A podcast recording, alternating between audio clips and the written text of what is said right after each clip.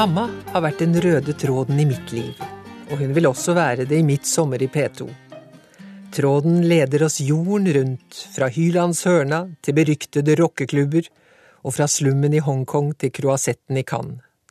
Jeg heter Åse Kleveland og gleder meg til å tilbringe den kommende timen sammen med deg og alle de andre P2-lytterne. De siste 18 månedene har vært mer dramatiske enn noen annen periode i mitt liv. Det gjelder det store så vel som det lille livet. Og i dag skal det handle om det lille livet. I mars ble vår 92 år gamle mamma alvorlig syk. Inntil nå hadde hun bodd hjemme i sin kjære leilighet, fylt med minner og kunst. Synet var svekket, men det forhindrer ikke at skoene fremdeles matchet fargene i skjørt og jakke og perlekjede og at dagens avis var et høydepunkt, men hun hadde blitt mye tynnere på den siste tiden. Hun veide mindre enn 40 kilo, og ga stadig oftere uttrykk for at nå, nå syns hun egentlig at det fikk holde. Og så lå hun plutselig der, en liten dame i en stor sykehusseng, ikledt en hvit, krøllete skjorte med små blå blomster. Det var så tungt å puste, til tross for ekstra oksygen. På kvelden kom en lege inn. Henvendt til meg og min søster Charlotte utbasunerte han at nå går det mot slutten. Hun kan være borte før natten er over. Da la den tilsynelatende bevisstløse mamma Eva sin tynne lille hånd på hans og sa med et strålende smil og en klar stemme, Det gjør ingenting, doktoren. Det är inte sant att det är så roligt att bli jättegammal. Och så, hänvänd till Charlotte och mig. Nu ska ni inte vara ledsna. Jag är ju inte rädd för att försvinna. Jag har haft ett så fint liv. Jag är bara ledsen för att inte kunna tänka på er mer. Men nu får ni lova att passa på varann, som ni har passat på mig. Ni måste vara snälla mot varann. Ni får inte bråka. Nå pustet hun tyngre, og hun syntes det var så ulidelig varmt. Hun skulle hatt en vifte, men det var for mye styr, det gikk ikke. Så begynte vi å blåse, forsiktig og mykt. Mamma smilte lykkelig. Blås mer, men forsiktig. Det är som en sommarvind. Så sto vi der på min fødselsdag, på hver vår side av sengen med mammaen vår mellom oss, og blåste. Og det slo meg at den ytterste handling av kjærlighet, det er å være sommervind for noen du elsker. Noen minutter over midnatt gikk mamma ut av tiden. Den svenske sommeren, den er selve symbolet på Sverige. Og midsommerafton skulle selvsagt vært Sveriges nasjonaldag. Fylt av ritualer og tradisjoner, innlagd sild, fersk potatis, evertåb og blomsterkranser i håret. Alt dette hadde mamma i seg, oppvokst som hun var med barndommen og ungdommens somre i Stockholms skjærgård, med seiling, svømming og tennis. Mamma elsket å danse, og hun var lett på foten langt inn i høy alder. Mamma skaffet seg sertifikat så snart hun var gammel nok, og gikk inn i Lottorna hvor hun kjørte lastebil under krigen. Men viktigst var det å få en god utdannelse. Viktigst var å bli selvstendig. Med en nesten jevnaldrende bror så hadde hun god tilgang på kavalerer. Men den store kjærligheten, den møtte hun først på julaften 1943. Utenfor døren til mammas hjem sto Olaf Kleveland fra Flatebygd. Han var en av de tusener av norske flyktninger som ble invitert hjem til svenske familier i julehelgen, da hjemlengselen var som sterkest. Den unge Olaf oppdaget at verten hadde en strålende vakker ung datter, Eva, og de to ble stormende forelsket. Påsken 1944 forlovet de seg i billettkøen på Stockholms sentralstasjon, på vei til det svenske påskefjellet. Og to år senere giftet de seg. I Stockholm var det godt å være ung og forelsket på siste del av 40-tallet, og uten familiære forpliktelser. Men én ting var fast. På lørdags ettermiddag klokken fem så var det te dansant på operaterrassen til tidens aller beste storband.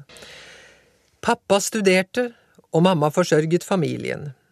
Og da jeg var underveis, så skaffet de seg leilighet i et av datidens mest progressive boligprosjekter. For mamma ønsket å forbli yrkesarbeidende, og hun mente at nye livsmønster krevde nye bomiljøer. Kollektivhuset på Vennebergsgatan besto av to store blokker, knyttet sammen med et felles midtparti. Små leiligheter med mikroskopiske kjøkken. I samme hus var det daghjem for barn fra vi var seks måneder, restaurant, vaskeri og ukentlig vaskehjelp inkludert i husleien. Ønsket vi å spise hjemme, så fikk vi maten opp i en stor kurv, og hadde man gjester, så kunne de være med i restauranten sammen med en flaske vin eller to. Alle kjente hverandre, i hvert fall litt, fra barnehage og restaurant. Det var en slags landsby i storbyen, et trygt og morsomt sted å tilbringe livets første år blant mange familier med kreative yrker som ville teste ut en ny boform. Hver gang boligdebatten ble reist i mediene, sa mamma, tenk så mange småbarnsfamilier som ville hatt glede av et kollektivhus. Etter hvert ble pappa grepet av en intens lengsel etter sitt fedreland, og så dro vi vestover. Dette var starten på vår familiehistorie. Og nå, mange år senere, så står vi her. To foreldreløse søstre i moden alder, og føler på den merkelige blandingen av sorg, tomhet og frihet men først og fremst handler det om praktikaliteter. Vår mamma elsket orden og systemer, hun var begeistret for orden. Så denne sommeren har vi dypdykket i små skrin og vakre stoffposer med sirlige bånd, brev, notater og bilder, og knapper og spenner og penner sortert etter form og farge. I 1962 ble jeg tenåring og debuterte som visesanger hos Erik Bye. Mamma tok administrativt ansvar fra første dag. Og nå sitter jeg her og blar gjennom kontrakter, repertoarlister og korrespondanse, ja, til og med flybilletter fra 50 år tilbake i tiden. Og slik har mammas bortgang også blitt et møte med mitt eget liv. Kjære lytter, du hører fortsatt på Sommer i P2 med dagens vertskap Åse Kleveland. Hvilken gave det var å få være ungdom på 60-tallet, med rom og musikk for protest og opprør, men også en tro på at det var mulig å stoppe krigen, ta makten og forandre verden. Når man er ung, så er man fylt av alle slags følelser og erfaringer, og da trenger man noen som setter ord på det som man ubevisst føler. Det kan være en bok eller en film men er ofte en tekst med musikk til eller et dikt. Og når man hører det, så vet man nettopp, det er sånn det er, det er det jeg mener. Og på sekstitallet, da fantes mange som skapte nettopp de tekstene. I år kan vi feire at det er 50 år siden 1962, som var et tidsskille i musikk- og underholdningsbransjen. Ikke fordi jeg debuterte, men fordi så veldig mange andre gjorde det. Bob Dylan, The Beatles, Rolling Stones, Simon og Garfunkel, Stevie Wonder Listen er lang. Den første James Bond-filmen hadde premiere, og Hylands Hørna og Svensktoppen dro i gang. Musikk- og underholdningsfenomener som har preget generasjoner. Også meg. Min første singel kom to år senere med låter av Bob Dylan og i samme år, i 1964, ble jeg invitert til Hylands Hørna. Og det var greier på den tiden. Det var det største man kunne oppnå. Mamma var selvfølgelig med, det var midt på vinteren og et voldsomt snøvær, og ny kjole var innkjøpt for anledningen. Da jeg kom til prøve, så ropte Hyland tvers over studio. Perfekt! En typisk norska! Så skal det være! Og Lennart Hyland, han fikk jo alltid som han ville. Så da vi gikk på lufta samme kvelden, så fikk publikum møte en 15-årig norsk skolepike med pannelugg, ikledd svarte strekkbukser, hvit vams med fargerike bånd og strikket matchende topplue, som fremførte Evert Taubes Fridtjof og Carmencita med et ekvilibristisk flamenco-inspirert gitarkomp. Hvilken kulturkollisjon! Og så pinlig, syns jeg. Men skulle ettertiden vise, topplua gjorde nesten like sterkt inntrykk på det svenske publikum som den rosa pysjamasen i Grand Prix et par år senere. Nå gikk det unna, to album på to år, TV, radio, konserter i inn- og utland, i store konserthus og på folkelige arrangementer i dalstråka innafor. Kraftfullt gjensvar i Frankrike med opptredener på statusbefengte steder som Olympia og Théâtre de Champs-Élysées. Dette var jo ikke noe en 16-årig ung dame fikk drive med alene på 60-tallet, så pappa var stort sett med som følge i Skandinavia, mens mamma tok resten.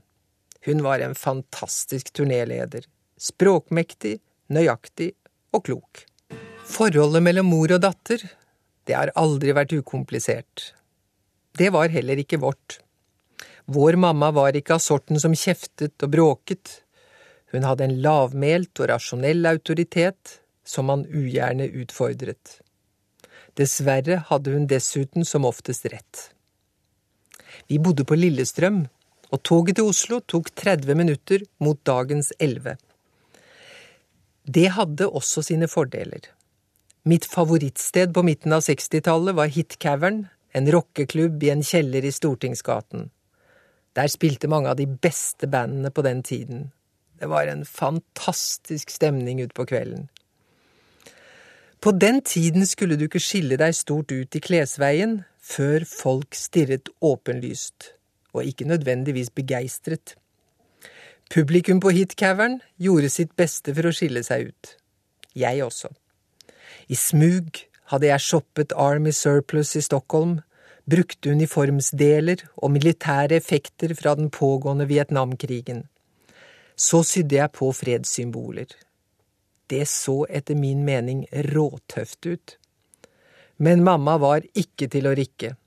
At jeg, som reiste rundt og protesterte mot Vietnamkrigen med min musikk, skulle gå ut og danse ikledd amerikanske militæreffekter fra den samme krigen, det hang ikke på greip. Dette var en kamp som jeg var dømt til å tape, så jeg gjemte mine militære dyrebarheter under kjøkkentrappa. Når kvelden kom, så forlot jeg hjemmet ulastelig antrukket, men fisket med meg den hemmelige posen på vei ut.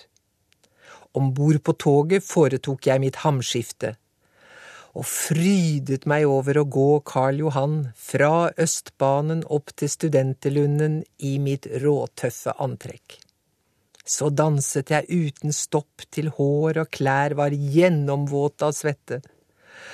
Og når hitcavern stengte og publikum samlet seg i gata og oppover Studenterlunden, av og til til voldsomme opptøyer, så ruslet en lykkelig, men sliten marinesoldat tilbake til toget skiftet klær, gredde håret og gikk hjem til mamma med blussende kinn.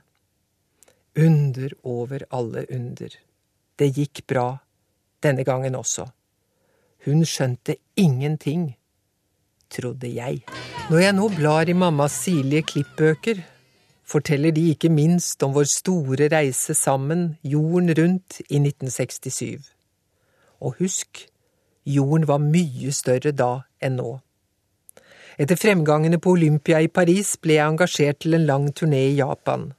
Like før hadde jeg fått et ultimatum fra rektor på Lillestrøm gymnas. Enten kutter du artistvirksomheten, eller så kutter du skolen. Det ble det siste. men nettopp derfor ønsket foreldrene mine at reisene skulle gi kunnskap utover det som hører turnélivet til.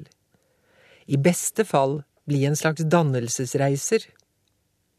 Med mitt brennende ferske sertifikat i lommen tok jeg en følelsesmettet avskjed med min nyerobrede Ford Mustang.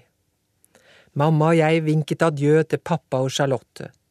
Lite ante vi om at de om få uker skulle være blant ofrene for monsterflommen på Lillestrøm. Vi startet i Roma med Europas historie, fortsatte til Teheran, den gang shahens Iran, deretter videre til Bangkok og Hongkong. Etter et lengre opphold i Japan skulle det bli feriedager på Hawaii og siste stopp i San Francisco. Vi hadde avtaler med kloke folk som skulle vise oss rundt, utenfor turiststrøkene.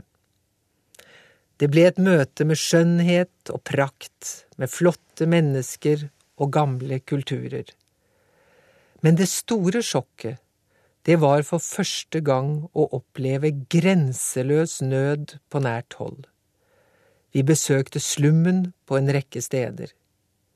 Så mennesker som levde i ytterste armod, noen så nær slaveri det gikk an å komme, kvinner og barn som ble holdt innesperret i noe som lignet bur.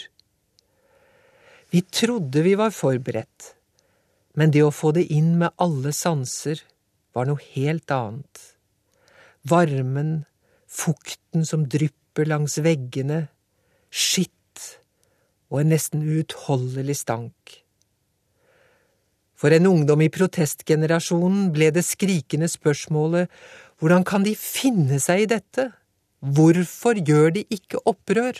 Våre veivisere fortalte om tradisjoner, kastesystem, religiøse forestillinger om det forutbestemte, om at lydighet og underdanighet øker sjansene for et bedre liv etter dette og at noen bygger sin rikdom og makt på at andre er fattige, lydige og uvitende.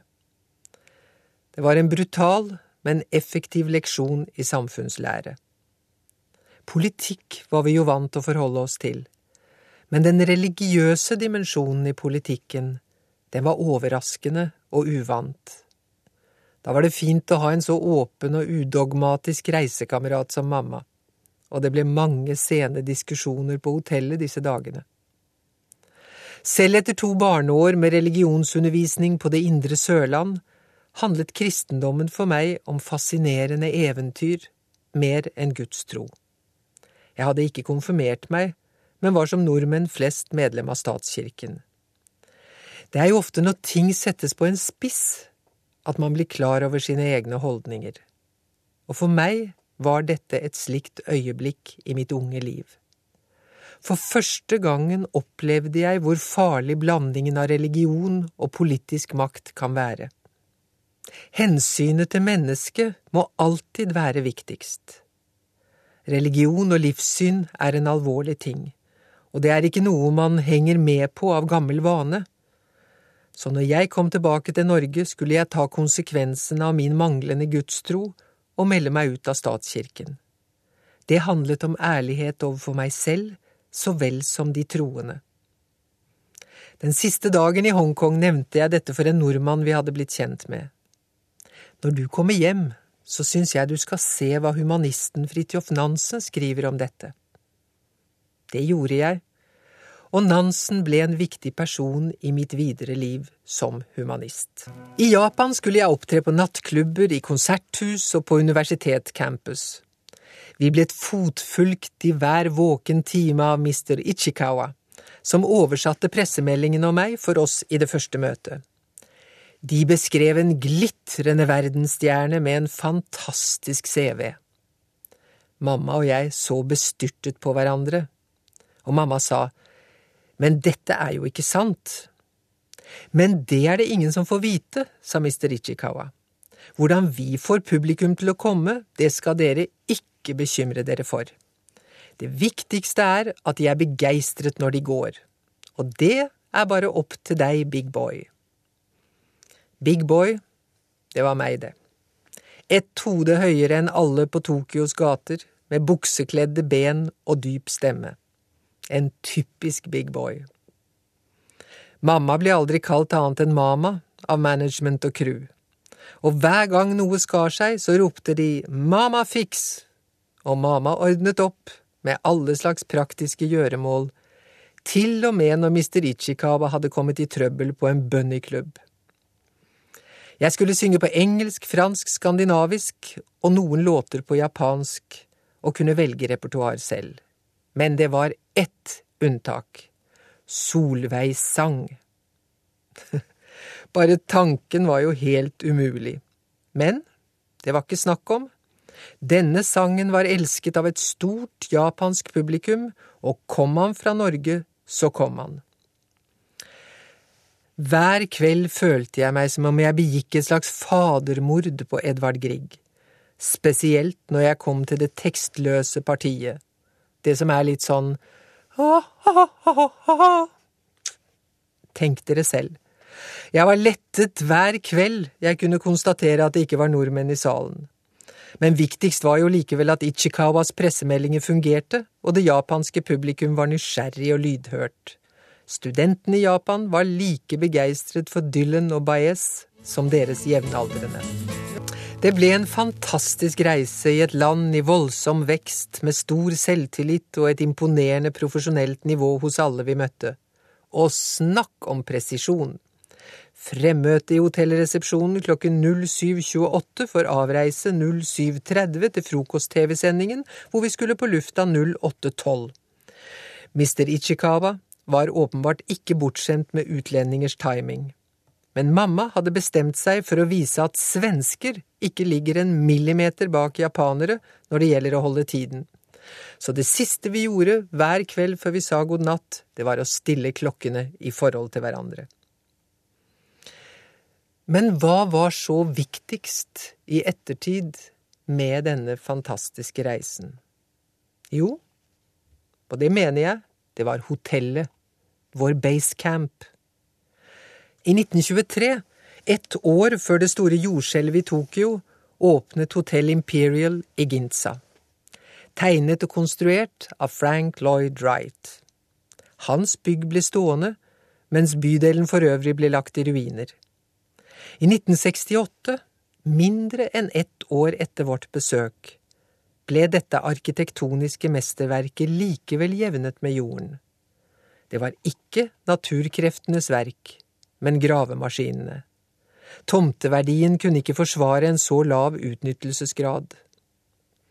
Dit kom vi en vakker vårdag, uten at noen hadde nevnt et ord om verken Frank Lloyd Wright eller noe arkitektonisk mesterverk.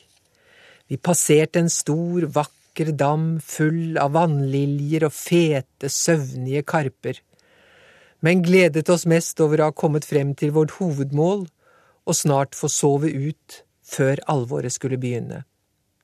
Mamma var som katten. På nye steder gikk hun langsomt og systematisk rundt og fant ut hvordan ting hang sammen.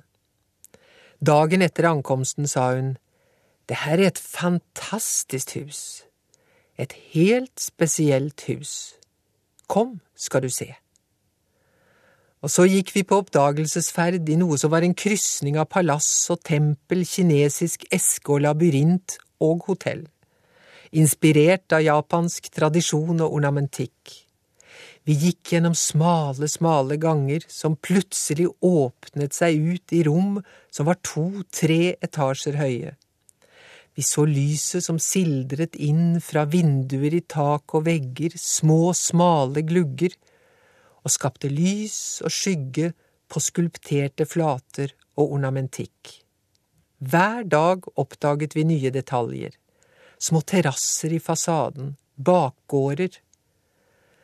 Det var et bygg som levde, det var et hus for alle sanser. En dag dukket det opp en eldre resepsjonist som elsket sitt hotell. Han kunne hele historien, og han fortalte om Frank Lloyd Wright, som var en fremstående representant for den organiske arkitekturen, en byggekunst i harmoni med omgivelsene og naturen, om kombinasjonen av vulkansk sten og det nyeste i ferrobetong. Da mamma og jeg skulle reise derifra noen uker senere, var vi skjønt enige om at det å få bo på Hotell Imperial over tid, det hadde gjort noe med oss. Det hadde gjort vår opplevelse av Japan så vel som opplevelsen av en større verden rikere. Det hadde vist at Winston Churchill hadde rett når han sa at først former vi omgivelsene, og så former de oss. Vi hadde lært at det å forme våre omgivelser, det er en viktig og alvorlig ting og et stort ansvar. Og det hadde gitt meg nok en helt i livet, Frank Lloyd Wright. Her er din sang. Jeg nekter å bli definert i kraft av min alder. Det er den mest uinteressante målestokk man kan tenke seg. Det har jeg lært av min mamma. Men nå er jo ikke dette noe man nødvendigvis har styring over selv. For et par år siden ble jeg stanset på Karl Johan av en usedvanlig vennlig og velkledd eldre herre. Han gikk rett på sak. Skjønne fru Kleveland, så godt de holder dem. Sånt blir man jo glad for, så jeg smilte begeistret mens han fortsatte.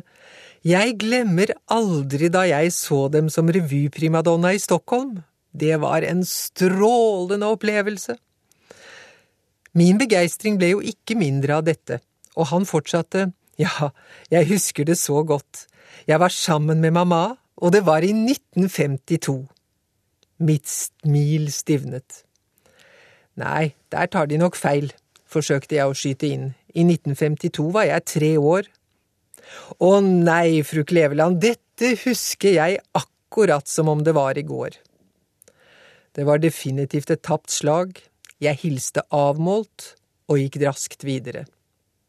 1952, du liksom. Aldre er ikke noe vi forbruker for til sist bare å ha alderdommen igjen. Aldre er noe vi erobrer. Vi legger nye år til våre liv så lenge vi lever, og vi er alle våre aldre. Jeg opplever veldig sterkt at jeg både er den ville niåringen Åse, den protesterende 16-åringen, den engasjerte 27-åringen og den fagpolitiske 35-åringen og den sjefete 50-åringen. Det handler jo egentlig om å holde alle disse aldrene levende. Og det å beholde livslysten, det handler om å holde kunnskapstørsten ved like. Det har jeg lært av mammaen min. Våre sene telefonsamtaler kunne innledes sånn. Såg du programmet i kveld, Åse? Om issmeltningen på Grønland? Det er jo fantastisk at de borer seg kilometervis ned i isen. Lørdagen, før hun ble alvorlig syk, leste hun som vanlig Dagbladets magasiner med briller og dobbelt lorgnett. Hovedoppslaget handlet om det nye pensjonssystemet. Da min søster Charlotte kom på besøk neste dag, så fikk hun et lengre foredrag om grensesnitt, fordeler og ulemper ved pensjonssystemet. For mamma personlig så spilte det ingen rolle hva de la opp til av pensjoner, men hun ville vite. Og sånn sett avslører hun den falske motsetningen mellom det å være pasjonert og det å være pensjonert. Da pappa gikk bort for ni år siden, var det som en vegg ble rykket bort i mammas liv.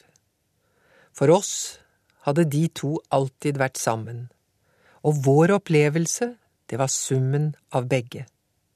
Pappas besluttsomhet på den ene siden, og mammas grundighet og gjennomføringsevne på den annen.